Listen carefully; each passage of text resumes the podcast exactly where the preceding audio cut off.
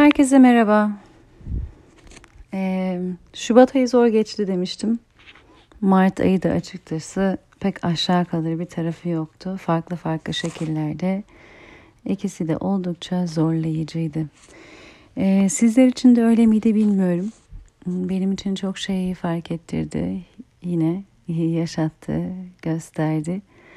Ee, bunlardan paylaşmak istiyorum. Umarım sizlerle de e, anlamlı bir şekilde rezone eder. E, bir gün bir rüya gördüm. Rüyamdan şöyle kalktım. Korkuyla yüzleşmek bir yere kadar. Korkuyu anlamak, idrak etmek, yüzleşmek, korkuya karşı cesaretini toplamak, e, korkunun karşısında kendi gücünü toplamak okey. Ama bunları yaparken aslında hep korkuya korkuyla bir ilişki içinde oluyorsun. Ee, korkuyla bir ilişki içinde olarak kendini bir yerden var ediyorsun. Yani korkunun varlığını korumaya devam ediyorsun. Korkuya karşı cesaret toplamak, korkuya karşı güçlenmek, korkuyla yüzleşmek. Bunların hepsinde aslında korkuyu bir şekilde sabit tutmak var. Korkuyu tutmak var. Korkuya rağmen bunu yükseltmek, korkuya rağmen güçlenmek, korkuya rağmen cesaretlenmek. Ama korkuyu da tutmaya devam ederek bunu yapıyorsun. Yapıyoruz. Ve aslında o zaman Burada sen güçlendikçe güçlenen bir korku da ilginç bir şekilde. Çünkü o korku olduğu için sen öyle bir cesaret bulma ihtiyacı duyuyorsun. O korku olduğu için sen öyle bir e, idrak anlayış bulmaya çalışıyorsun. O korku olduğu için sen onun karşısına geçip onunla yüzleşiyorsun. Yani korkuya göre kendini konumlandırıyorsun. Kendi cesaretini, gücünü arttırıyorsun, üzerinde çalışıyorsun ve neyse neyse. Burada o zaman sen kendini korkuya göre konumlandırıyorsun. Bu ne demek? Korku orada ve her daim oldu. Sen korkuyu um, azaltmıyorsun veya korkudan vazgeçmiyorsun veya korkuyu bırakmıyorsun.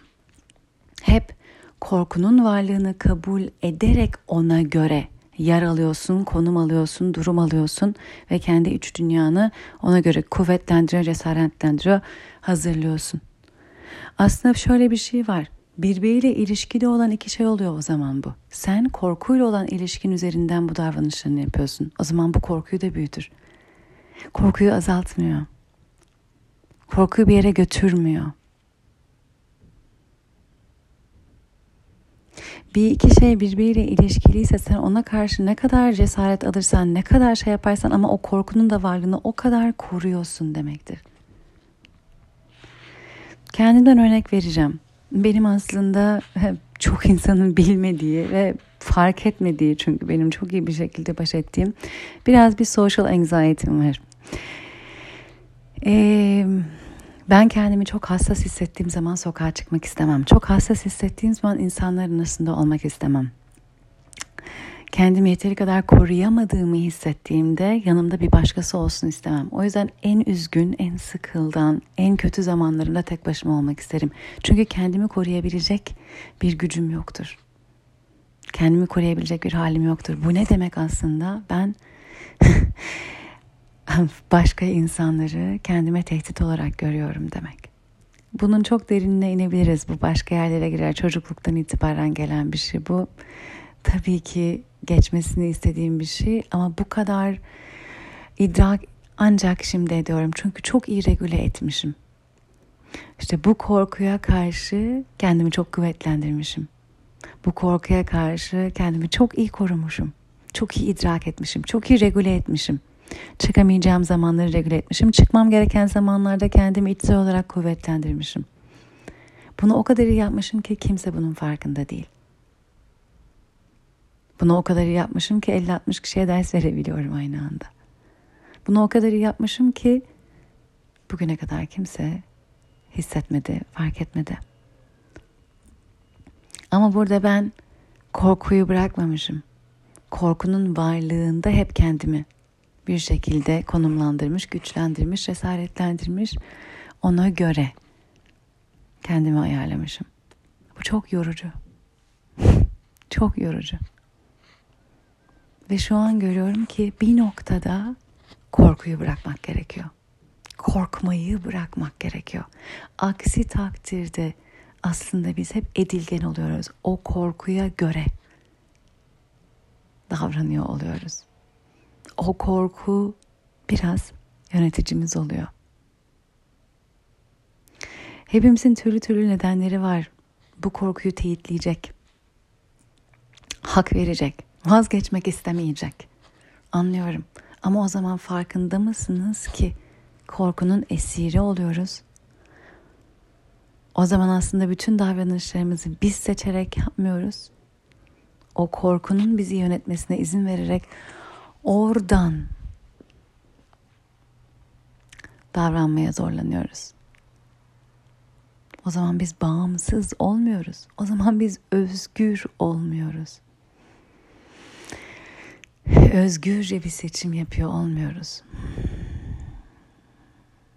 Kendi korkumuzu yönetmek için, regüle etmek için davranıyor oluyoruz. O korkunun kölesi oluyoruz. Ve bu yüzleşmekle bitmiyor. Ona göre cesaretlenmekle bitmiyor. Ona göre adım atmakla bitmiyor. Ona göre yaptıkça o varlığını devam ettiriyor. Şunu yapabildiğimiz zaman drop it. Rüyamda bu geldi bu kelime. Drop it. Bırak. Türkçe'ye çevirince bırak gibi oluyor ama bırak böyle sevgiyle falan bırak değil. Yani avucunu aç bırak. Bırak düşsün elinden. Bırak düşsün. Bırak gitsin. Bırak. Ama öyle bir bırak ki yani böyle hani aa hafifçe bırak değil. Avucunu aç. Bırak. Onunla olan ilişkini kes. Onun senin üzerindeki söz hakkını ancak ancak böyle kesebilirsin. Nasıl bir problemle yüzleştiğimizde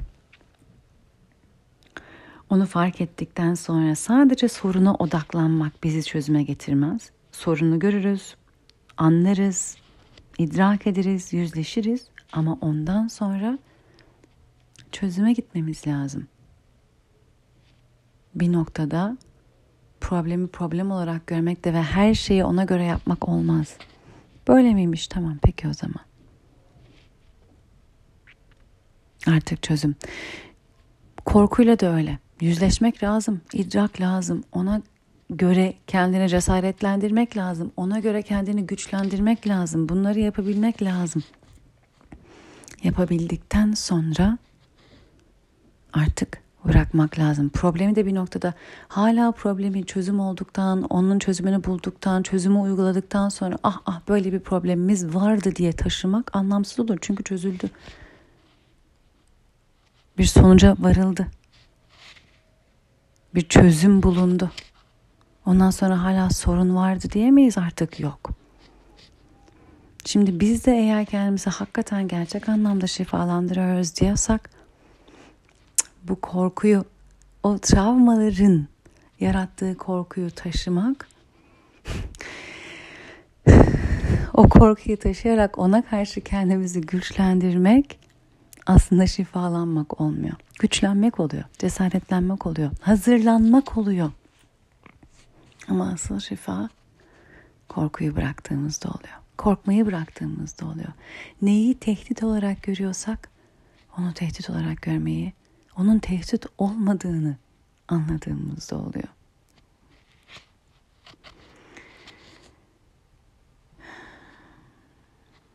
Kafamızda yazdığımız hikayeler var.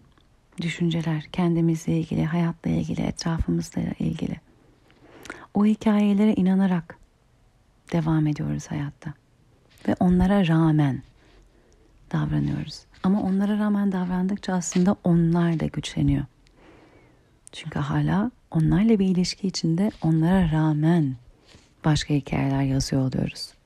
bırakmış olmuyoruz. Ne demek istiyorum? Büyürken, çocukken kendimizi bir kendimizle ilgili düşüncelerimizle tanımlıyoruz. Bir de etrafımızın bize bizi yansıtmasıyla, yakınlarımızın, etrafımızda olanların, annemiz, babamız, kardeşimiz, ablamız, abimiz, mahalledeki arkadaşlarımız, kuzenimiz, dayımız, eniştemiz, yakınlarımız. Bazılarının daha fazla önem veriyoruz söylediklerine, belki bazılarını daha az alıyoruz içimize. Ama bizimle ilgili söylenenleri duyuyoruz. Fark ediyoruz. Ne kadar sık duyarsak, ne kadar farklı yerden duyarsak belki de o kadar da fazla inanıyoruz. Ne kadar değer veriyorsak karşımızdakine, ne kadar güveniyorsak günlük hayatta belki sözüne de o kadar güveniyoruz. O yüzden bir şekilde bu insanlar bize yeri geldiğinde şımarıksın derse, kafan buna basmıyor derse, sen de bunu hiç anlayamıyorsun derse, hiç beceremiyorsun derse, sen de şöylesin böylesin dedikçe dedikçe biz de bunlara inanıyoruz. Ve bu inançla yaş alıyoruz. Öyle oluyor ki senin kafan buna basmaz dediğinde hakikaten biz de buna inandıysak içimizden bir yerden e, onunla ilgili bir şey yapacağımızda zaten kendimiz şöyle oturuyoruz masaya. Benim kafam buna basmaz. Ve kendimizi teyitler gibi zaten bir şey çıkıyor ortaya. E zaten bu kafayla oturunca hükmediyoruz sonuca. Kafam zaten buna basmaz deyince ne yeteri kadar çaba gösteriyorsun, ne efor, ne istek, ne niyet. E sonuçta onu gösterecek, onu yansıtacak bir şey oluyor. Ve o zaman teyit ediyor sana söyleneni. Ve diyor ki sana bunu söylen. E bak ben sana demiştim kafam basmaz diye. Onun bizimle söylediği, bizimle ilgili söylediğine biz inanıyoruz. O inançtan davranıyoruz. O inançtan biz davrandıkça davranışımız karşımızdakinin bizimle ilgili söylediğini teyit ediyor. Ve bu hikaye bu şekilde kendini teyit ede ede biz yaş alıyor oluyoruz. Sana güçsüz denmiş olabilir sen çok ağladın diye. Duygusalsın diye, duyarlısın diye, hassassın diye. Çok kırılgansın denmiştir. Çok ağlaksın denmiştir çabuk kırılıyorsun denmiştir, hassassın denmiştir. Ve bunu olumlu bir şekilde söylememişlerdir mesela. Güçsüzsün denmiştir. Sonra belli bir yaşa gelirsin. Belki 20'lerinde. Bir saniye. Bana bugüne kadar güçsüz dendi ve ben güçsüz olduğuma inandım. Ama ben bugün görüyorum ki ben bazı yerlerde de çok güçlüyüm. Bu insanlar bana A konusunda güçsüz dediler. Ama ben görüyorum ki ben B konusunda güçlüyüm. Bunu yapabiliyorum, kaldırabiliyorum, şu konuda dayanıklıyım. Duygusal güçlülükten, güçsüzlükten bahsediyorum şu anda. O zaman şöyle bir şey olmaya başlıyor. İkinci bir hikaye. Ben A konusunda güçsüz olabilirim ama B konusunda da güçlüyüm. O yüzden ben sadece güçsüz değilim. Belki o yaşa kadar güçsüz olduğuna inandın ve sadece güçsüz olduğuna. Belki 20-25 yaşında hayat sana farklı şeyler yaşattı ve bir şekilde belki başkalarından da farklı şeyler duydun. O yaştaki arkadaşlarından, o yaşta etrafında olanlardan. Belki sana dediler ki ne kadar güçlüsün, ne kadar dayanıklısın. Ve sen dedin ki bir saniye evet bak ben bunları yaptım. Bu güçlülük, bu dayanıklılık demek ki ben sadece güçsüz değilim. A konularında güçsüz olabilirim ama bak B konularında güçlüyüm. Şimdi ne yapıyorsun o zaman kendine iki hikaye yaratıyorsun. İlk hikayeden vazgeçmiyorsun. Çok güvendiğin, sevdiğin, değer verdiğin belki de insanlar çünkü o hikayeyi yazdılar. Sen de o kadar derinden inanmışsın ki zaten kendini reddetmek olur gibi düşünüyorsun A hikayesinden vazgeçmeyi. Ama artık kendinin sadece A hikayesinden var olmadığını da görüyorsun. İkinci bir hikayen daha var B ve burada da dayanıklısın, güçlüsün. Şimdi o zaman ne oluyor? Ben ona rağmen güçlüyüm. Ben bilmem neye rağmen güçlüyüm. Ben o konuda güçsüzüm ama bu konuda güçlüyüm. Şimdi ne oluyor? Senin güçsüz olduğunu inanan insanlar var veya bunu sana yansıtan kişiler, durumlar, konumlar, kurumlar. Sen artık senin bu tarafını da görsün istiyorsun. Bak ben A tarafında güçsüz olabilirim ama bak ben B tarafında güçlüyüm. Ve bir şekilde bunun ispatı da başlayabiliyor. İspat etmek istiyorsun. Kendine de inandırmak için, teyit etmek için, karşındakine de göstermek için. Sen bugüne kadar bana güçsüz dedin ama bak ben aslında güçlüyüm. Onun da seni görmesini istiyorsun. Niye istiyorsun? Çünkü kendi içinde hala sana güçsüz olduğunu hissetten, söyleyen bir ses var. Senin kendi bir sesin var. Aslında sen o kişinin fikrini değiştirip o insan evet güçlüymüşsün gördüm dese senin içindeki his rahatlayacak. O ikinci ses.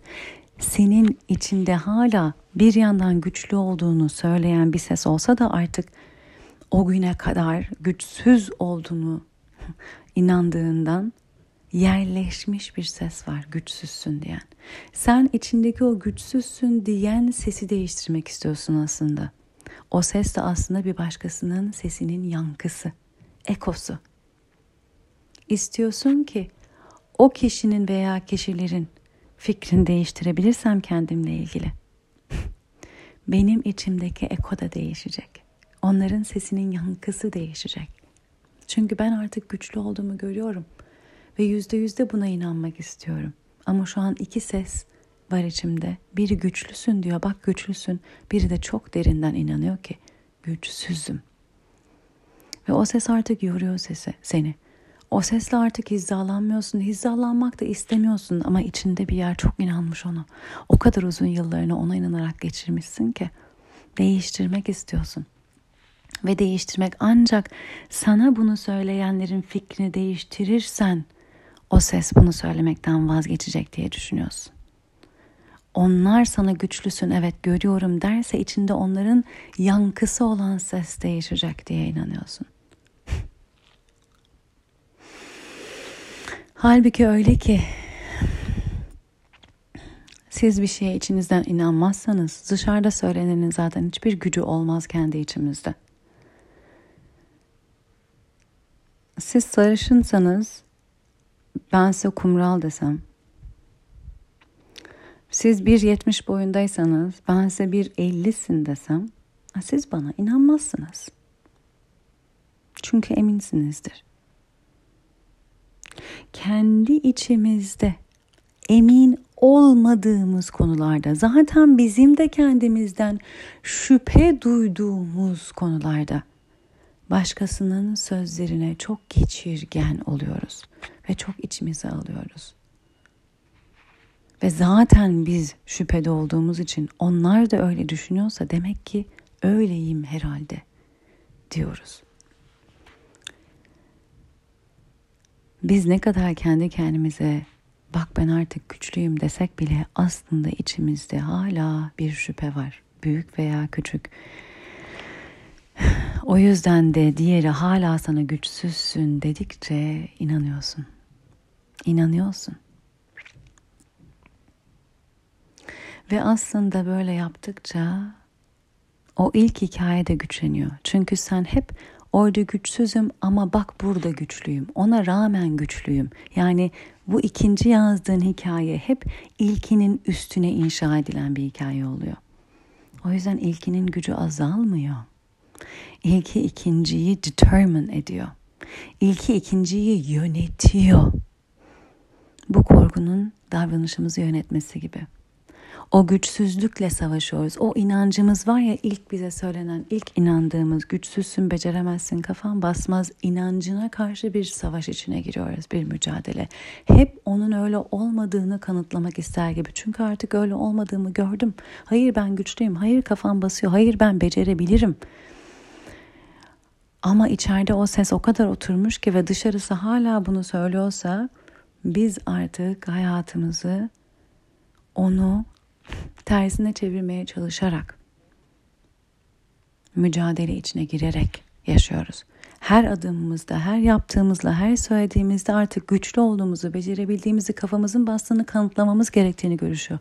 Ancak onu yaparsak o seneler içinde birikmiş inancı ve başkalarının bizimle olan düşüncemizi değiştirebileceğimizi düşünüyoruz ve her gün deniyoruz. Her gün, her yaptığımızla, her söylediğimizle, her konuşmamızla, her konuşmamızla fikir değiştirmeye çalışıyoruz. Bu ne demek? İlk hikaye ile engaged ediyoruz.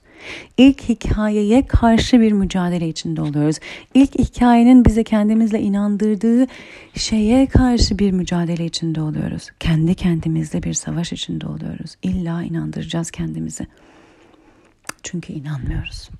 Ne kadar öyle olduğumuzu kendimize göstersek bile bu yaşımızda içimizdeki diğer sesi susturmuş değiliz.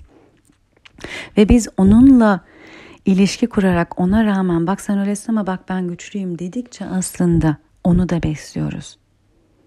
Onun sesini küçültmüyoruz, azaltmıyoruz. Korku gibi işte bu. Sen bana bugüne kadar güçsüzsün dedin ama kendi iç sesinden bahsediyorum inancından. Bak ben güçlüyüm. Ve her gün biraz daha fikrini değiştirmek için göstermeye çalışıyorsun. Bak bugün de bunu yaptım. Bugün de şunu yaptım. Bugün de onu yaptım.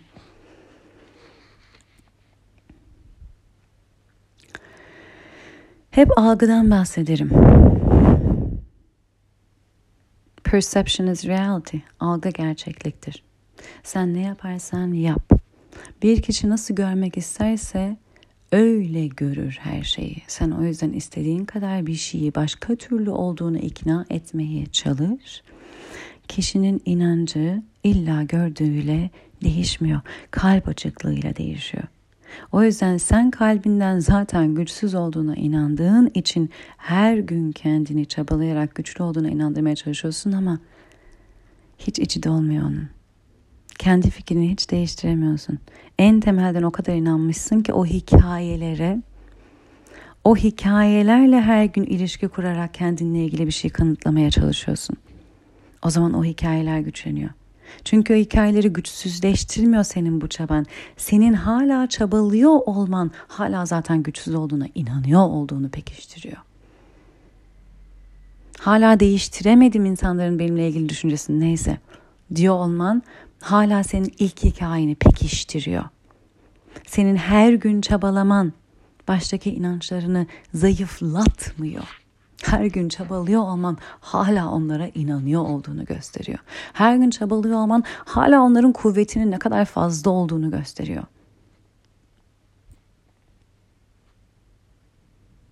Şunu da söylemek istiyorum. Böyle şunu söyleyeceğim bu arada. Buradaki tek çözüm drop it.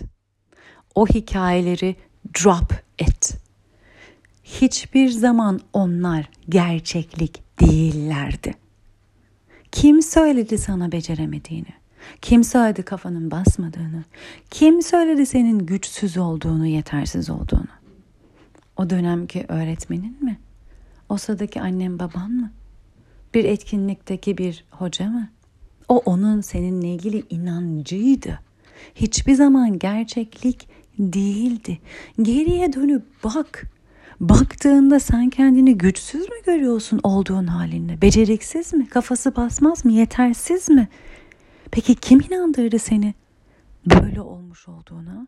Bir başkası. O sana baktığında gördüğü şeyle inancıydı seninle ilgili. Senin gerçek halini yansıtmadı sana. Senin gerçek halin değildi o kişinin sana seninle ilgili söylediği. Senin bugüne kadar ben böyleydim diye inandığın şey hiçbir zaman gerçeklik değildi. Hiçbir zaman gerçek değildi. Kim söyledi? Bir başkası. O o kişinin inancıydı. Varsayımıydı, sanısıydı. Ve sen bunu gerçekliğin gibi aldın, kabul ettin, hapsettin o tanımlara kendini. Ve şimdi de bu yaşında, bu halinde o tanımların öyle olmadığını ikna etmeye çalışıyorsun kendini. Her gün, her gün, her gün tanımlardan vazgeçmeden. Sanki bugün üç yapsan eskiyi cancel out edecek, silecekmiş gibi.'' Ama ne kadar yaparsan yap erişemiyor onun yoğunluğuna, onun inancına. Çünkü o kadar kalpten inanmışsın ki seninle ilgili söylenenlere. O insanlara da güvendiğin için belki. Öyleydim ama şimdi böyleyimle değişmeyecek hikayeniz. Kendinizle ilgili tanımlarınız, ona rağmen şimdi böyleyim. Öyleydim ama şimdi böyleyim. O konuda beceriksizdim ama bu konuda becerikliyim. Bu değil. Kim söyledi onu sana? Bir başkası. Bir başkasının inancı o. Bırak. Kendi gerçekliğin değil. O zaman ne yapacaksın? Drop it. Bırak. Düşermiş gibi elinden bırak. Bırak düşür kırılsın. Nazikçe bir yere koyma. Nazikçe böyle evrene gönderme. Hayır. Elinde tuttuğun bir cam bardakmış gibi aç avucunu. Bırak düşsün kırılsın. Çünkü hiçbir zaman gerçek değildi. Ve sen taşıdın. Hala da taşıyorsun. Onun üzerinden kendini yeni baştan tanımlamaya çalışıyorsun. Ama ona rağmen ben güçlüyüm, becerikliyim bak kafam basıyor. Hala o hikayeler üzerinden yeni bir hikaye yazmaya çalışıyorsun. Onlar hiçbir zaman gerçek değildi. Bırak o seninle ilgili sana söylenen hikayeleri. Gerçek değillerdi.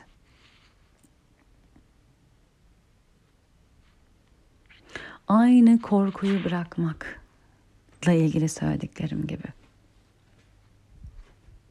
Aksi takdirde sürekli inandırmaya çalışıyoruz kendi içimizdeki sesi. Ben güçlüyüm diye. Dışımızdaki insanlara inandırma çabamız da aslında içimizdekinin yansıması onlar. İçimizdeki ses.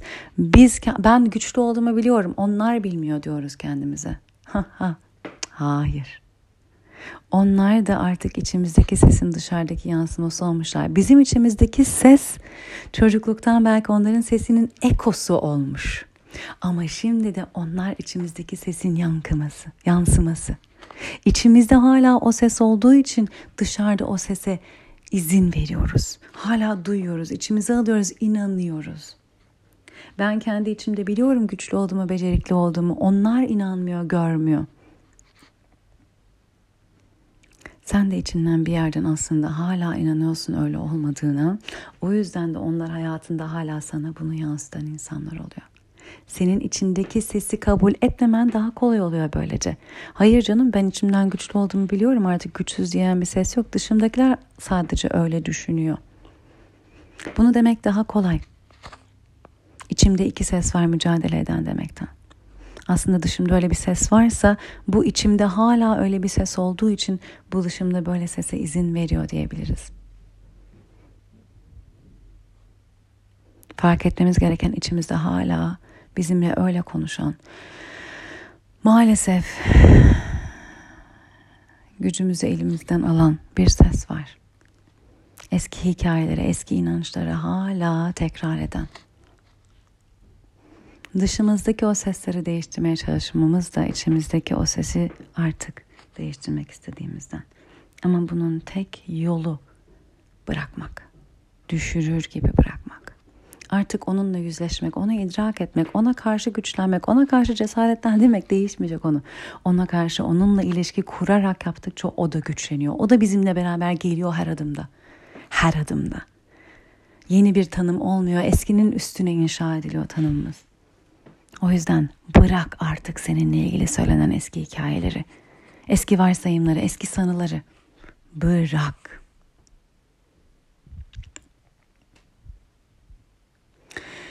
Öyle bir şey ki güçlülük, güçsüzlük, beceriklik, beceriksizlik.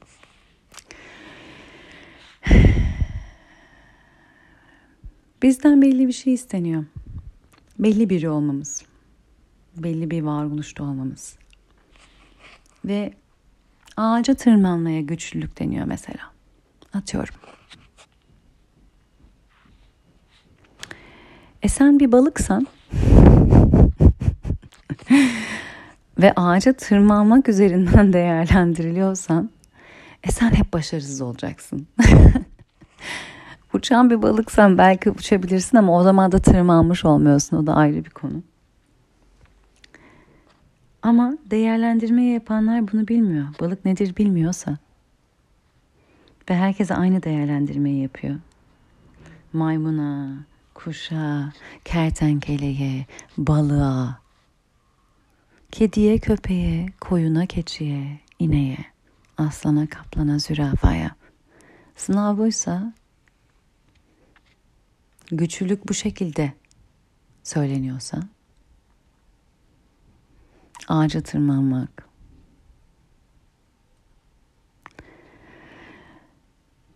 o zaman düşün nasıl değerlendiriliyor insanlar.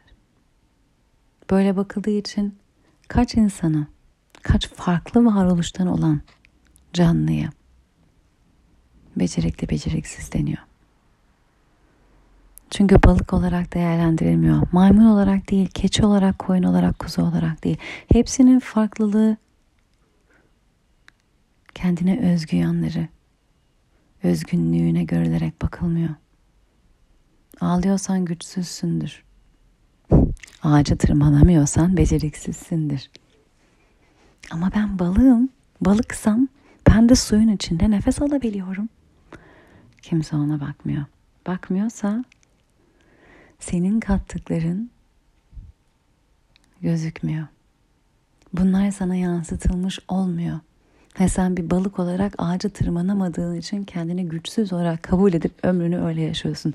Balık olarak ne tür becerilerin olduğuna uyanman belki çok geç oluyor. Ona rağmen hala da ağaca tırmanamadığın için bir eksiklik hissediyorsun.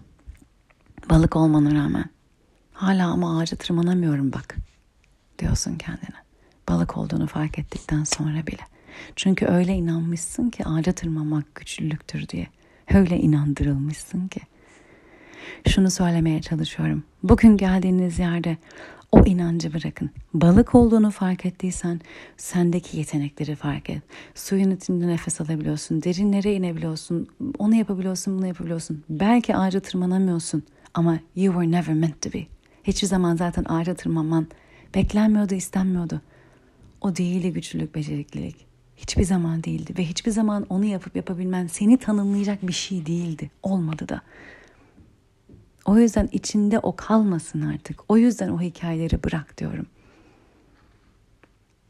Seni hiçbir zaman tanımlayabilecek bir şey değildi o. O yüzden onunla olan ilgili tanımını taşımayı bırak artık.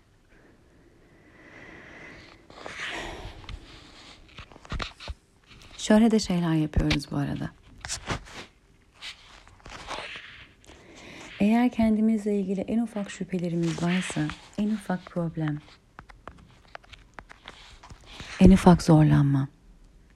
Ben artık güçlü olduğumu biliyorum. Ben artık becerikli olduğumu biliyorum. Ben artık başarılı olduğumu biliyorum. Ve evren bunu teyit etsin istiyorum. Hayatım bunu teyit etsin istiyorum. Ben başarılı olduğumu çok iyi biliyorum. Şu işe de girersem işte teyit tam da teyit edilmiş olacak. Şimdi genelde şöyle bir şey oluyor. Her zaman demeyeceğim ama genelde. Aslında biz yüzde 95 inanıyoruz buna. Başarılıyım evet evet başarılıyım. Ama hala belki yüzde 5 belki yüzde 10 şüphe eden bir tarafımız var.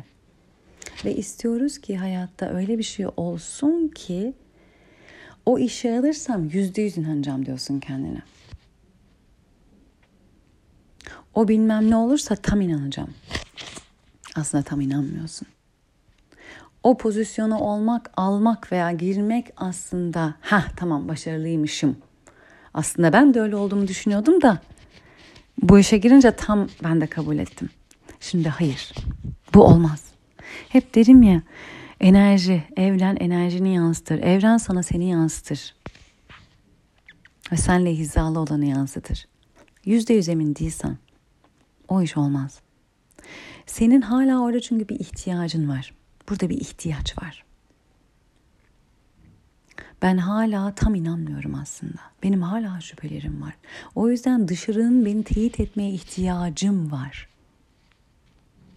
Dışarısının benim kendimle ilgili düşüncemi teyit etmesine ihtiyacım var. Çünkü hala şüphelerim var.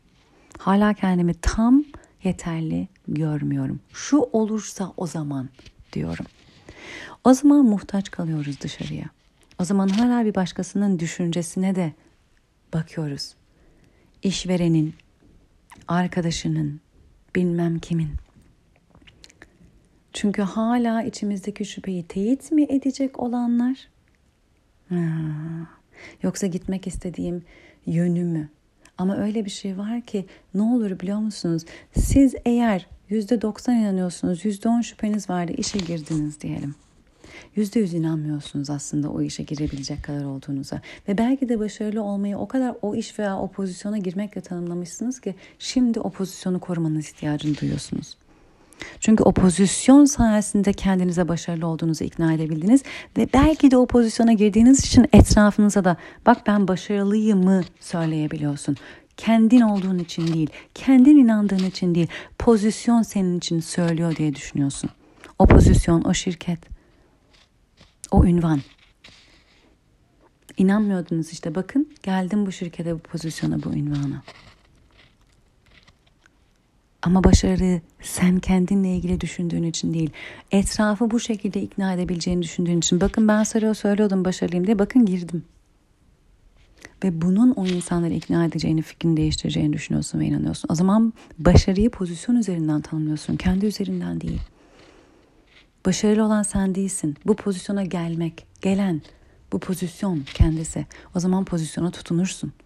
Çünkü pozisyona ihtiyacın var hala kendinin başarılı olduğunu inanmak için. Bu pozisyonu tutunmak için elinden geleni yaparsın. O zaman ne yaparsınız biliyor musunuz? You give your power away. Çünkü senden fazla iş istenir yaparsın. Onu da yap. Bunu da yap, şunu da yap. Halbuki sen evolved ettiğini, geliştiğini, dönüştüğünü düşünerekten bu pozisyona geldiğini zannedersin. Ben dönüştüm, evolve ettim, geliştirdim kendimi, kendime inancımı, güvenimi geliştirdiğim için hani bu pozisyona başvurdum. Bu girmem de bunun göstergesi dersin ama bu sefer başarını bu pozisyonla bağdaştırırsan çünkü ihtiyacın vardır. Çünkü hala yüzde yüz sen inanmıyorsundur kendine. Sen hala bunları embody etmemişsindir. Yani varoluşunun hala öyle olduğunu düşünmeyip dışarının ancak öyle seni teyitlediğinde öyle olduğuna inandığında o zaman aslında pozisyonu korumak için elinden geleni yapar. Ve aslında dönüştüm, değiştim derken çok daha fazla özveriler e, ve kendini belki de e, istismar etmeler, harcatmalara kadar gidersin. Kendinden vazgeçecek kadar o pozisyona tutunursun.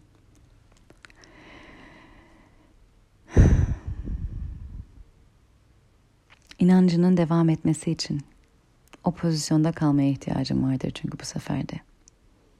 Bu ihtiyaç seni empowered olmaktan, kendi gücünde kalmaktan uzaklaştırır. İmajını koruma çabasından kendi imajının kölesi olursun. Pozisyonu kaybetme korkusundan korkunun kölesi olursun.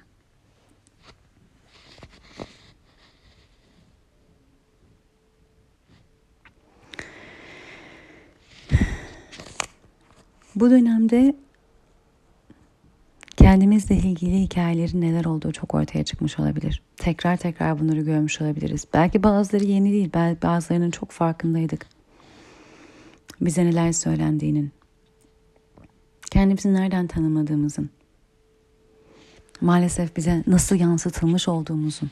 Ama belki daha bile gözümüze çarptı bunlar bu dönem. Daha bile yüzeye çıktı. Ve belki diyorsun ki ben bu konuyla ilgilenmiştim. Ben ben bu konuyu çözmüştüm. Ben bu konuyu dönüştürmüştüm. Ben bu konuyu değiştirmiştim. Bu kaçıncı buraya gelişim?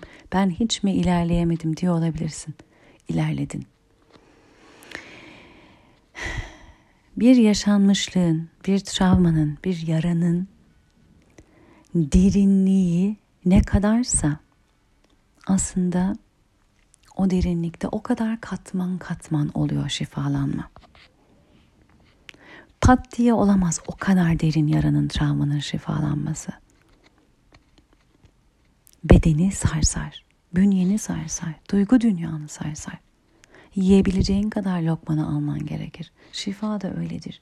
Bir kere de şifalanmak kişiyi çok zorlayacaksa bu kişinin kendine olan sevgisinden olamaz. Bu kişiyi hırpalar şifalanmak yerine. O yüzden çok derin travmalar, yaralar genelde katman katman şifalanır. O yüzden bazı yaraları, bazı travmaları tekrar tekrar ziyaret ederken bulabiliriz kendimizi. Bu yol kat etmediğimizden değil. Bu o yaranın derinliğinden, katmanlarının çok olmasından. Ama bilin ki her ziyaret ettiğinizde, her bilinçli, niyetli orada bulunduğunuzda bir katman daha şifalanıyor.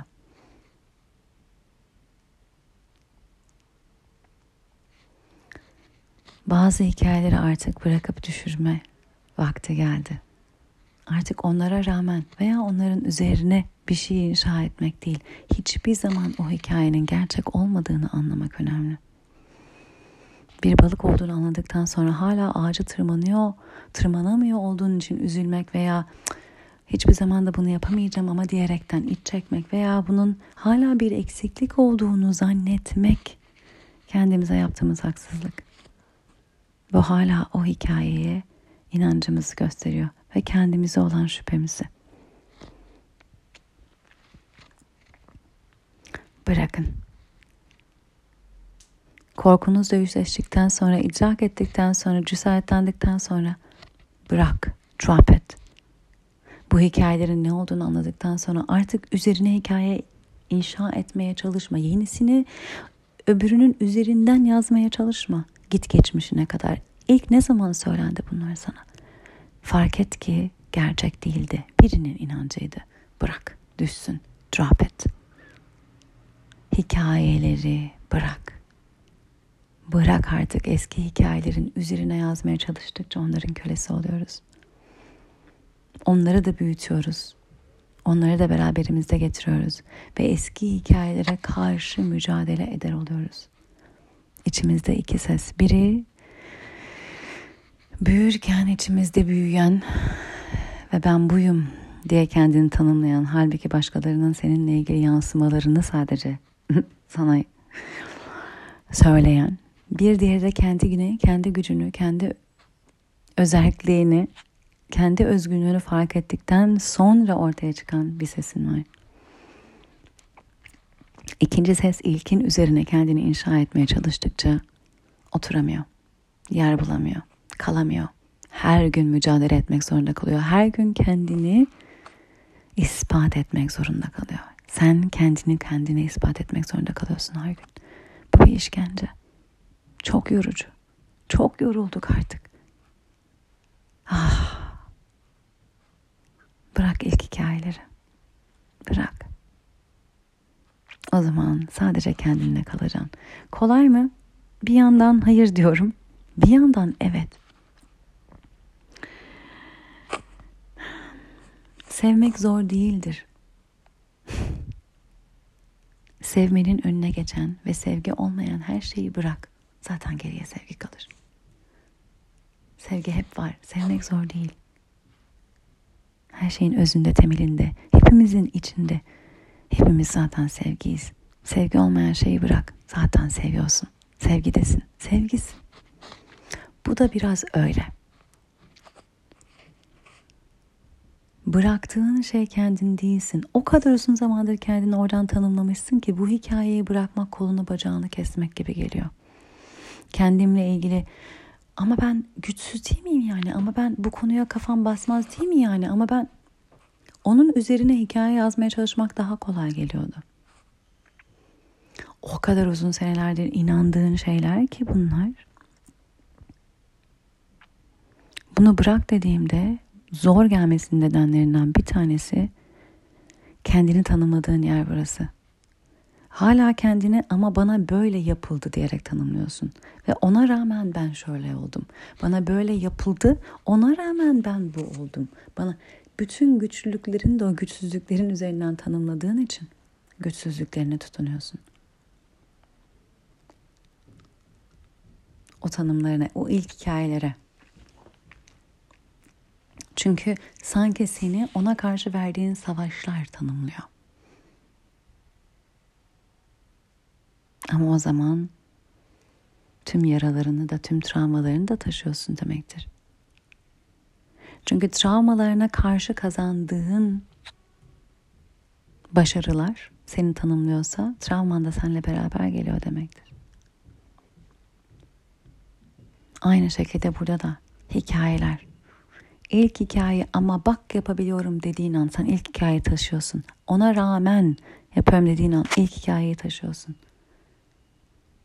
Seninle ilgili söylenenleri bırak. Bırak zaten sensin. Geriye kalan sen olacaksın. Başkalarının inançlarını bırak. Sevgi olmayan her şeyi bırak. Sevgi kalacak geriye. Sen olmayan her şeyi bırak. Sen kalacaksın geriye. Bu inançları bırakmak, bu hikayeleri bırakmak kolunu bacağını almaz senden. eksilmezsin. Tam tersine sen olmayanları bırakırsın ve sonunda sen kalırsın geriye. Sen olarak. Yaralarını, travmalarını bırak. Sen kalıyorsun geriye.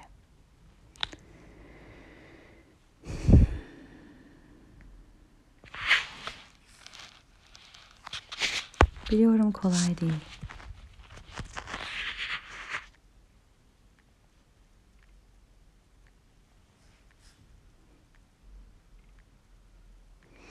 Bunu bize yapanlar da bize yapmadılar aslında.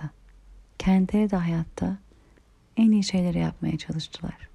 En iyisini. Kendileri için, bizim için. Burada suç yok. Suçlama yok. Herkes bildiğinin en iyisini yapmaya çalıştı. Hala görüyorum bunun olduğunu. Şöyle dendi bize büyürken. İşte eleştiriliyoruz, laf ediliyoruz, bilmem ne deniyor. Niye böyle söylüyorsun, niye böyle konuşuyorsun? Seni dış dünyaya hazırlıyorum derlerdi. Herkes sana ne iyisin, aferin güzelim demeyecek. İşte böyle de konuşanlar olacak. E ben de o zaman bunun evdeki sesi olayım. Çünkü sen bunları dışarıda duyacaksın. O yüzden bil. Bak bu böyle, şu şöyle. Bunu böyle yapmışsın, bunu eksik yapmışsın, bunu öyle yapmışsın, onu şöyle yapmışsın. Ve daha evde, yuvanda, güvenli alanında küçültülüyorsun. Becerilerin alçaltılıyor, kafana vuruluyor. Senin iyiliğin için deniyor. Seni şımartmamak için deniyor. Seni dışarıya hazırlamak için deniyor. Ben de şunu sormak istiyorum. Benim gibi böyle büyütülmüş olanlar olabilir. Dışarıda yağmur yağdığında dışarıya nasıl hazırlıyoruz çocuklarımızı? Evde kafalarına aşağı bir kova su dökerek ben seni dışarıya hazırlıyorum dışarıda yağmur var demiyoruz. Değil mi? Ne yapıyoruz dışarıdaki yağmuru hazırlarken? Ayağına yağmur botları giydiriyoruz. Üstüne yağmurluk giydiriyoruz. Eline şemsiye veriyoruz. Kafasına şapka veriyoruz. Yağmura, dış dünyaya böyle hazırlayıp dışarıya gönderiyoruz. Evde kafasından aşağı bir kova su döküp hasta edip ondan sonra seni dışarıya ıslaklığa hazırladım demiyoruz. Dışarının yağmuruna, yağmurdan ıslanabileceğini bildiğim için ben seni evde hazırlıyorum buna diyoruz. Dışarıya hazırlamak evde hırpalamakla olmuyor. Dışarıya hazırlamak evde o kişiyi aşağılamak, küçümsemekle olmuyor. Evde o güveni vereceğiz ki dışarıya hazırlıklı olsunlar. Evde kendini savunmayı bilecek, kendi değerini bilecek ki dışarıda da ona değersiz hissettirildiğinde hayır ben değerliyim diyebilecek. Evde değersiz hissedersen çünkü dışarıda değersiz hissettirileceksin dediğinde evde değersiz hissettiğinde bu kişinin zaten inancı ben değersizim. Dışarıya çıktığında ona değersizmiş gibi davranıldığında zaten bu kişi bunu çoktan kabul eder. Çoktan kabul eder. Çünkü zaten değersizim. Ondan sonra eve gelir. E niye sana böyle yapmalarına izin verdi der anne baba. E bu kişi inandırılmış değersiz olduğuna, dışarıdaki bir insan da ona değersizmiş gibi davrandığında niye karşı çıksın? O da inanıyor. Çünkü evde de öyle davranılıyor. Buna ne deniyor? Dışarıda sana böyle davranır hazırlıklı ol. Böyle olmaz. Evde değerli hissettireceksin. Evde güçlü hissettireceksin. Evde güvenini kuvvetlendireceksin. Evde kendini sevmesini sağlayacaksın. Ki dışarıda sevilmeyeceğini hissettiren bir durum olursa, dışarıda ona değersizmiş gibi davranan biri olursa, ona karşı dayanıklı olabilirsin. Kendi değerini içeriden bilebilsin. Bir başkasının ona bu şekilde değersiz hissettirmesine izin vermeyebilsin. Vermeyecek güveni, sevgisi, değeri olabilsin.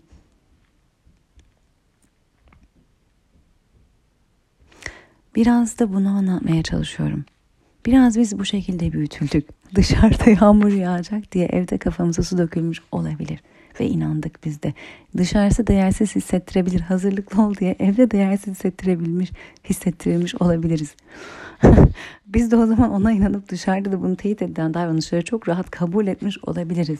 Bu da o zaman kendi kendini teyit eden hikayeler pekişe pekişe ilerliyoruz. Bunları yaptığımızda yapılmasına izin verdiğimizi gördüğümüzde de yine kendimize kızgıma başlıyor. Ah ah ah bir self compassion öğrenebilsek kendimize şefkat göstermeyi. Burada kendimize kızılacak bir şey yok. Burada suçlu aramıyoruz. Burada suç aramıyoruz. Burada şunu diyebiliyoruz sadece. Sen bugün artık bunu değiştirecek sorumluluğu alabilirsin. Suç değil bakın. Sorumluluk. Bunun ikisi farklı şey. Neden böyle oldu? Kimin suçundan? Bunun üzerine kafa yormak tekrar bizi aynı yerde tutar. Ama şu an kendimizle ilgili ben artık bunun başka türlü olmasını, kendimle ilgili başka bir hikaye yazmaya hazırım ve bunun sorumluluğunu alıyorum. Eski hikayeleri, bana ait olmayan her şeyi bırakıyorum. Belki geldiğimiz katman, şifalanma katmanı bu katman. Bu hikayeleri bırakma katmanı ve sadece kendimizle kalmak. Sevgi olmayan her şeyi bıraktığımız gibi biz olmayan, kendimiz olmayan, ben olmayan her şeyi bırakma vakti.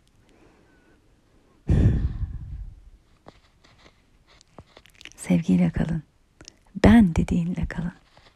Sevgi olmayan her şeyi bırakarak ben dediğine, ben olmayan her şeyi bırakarak. Kucak dolusu sevgiler.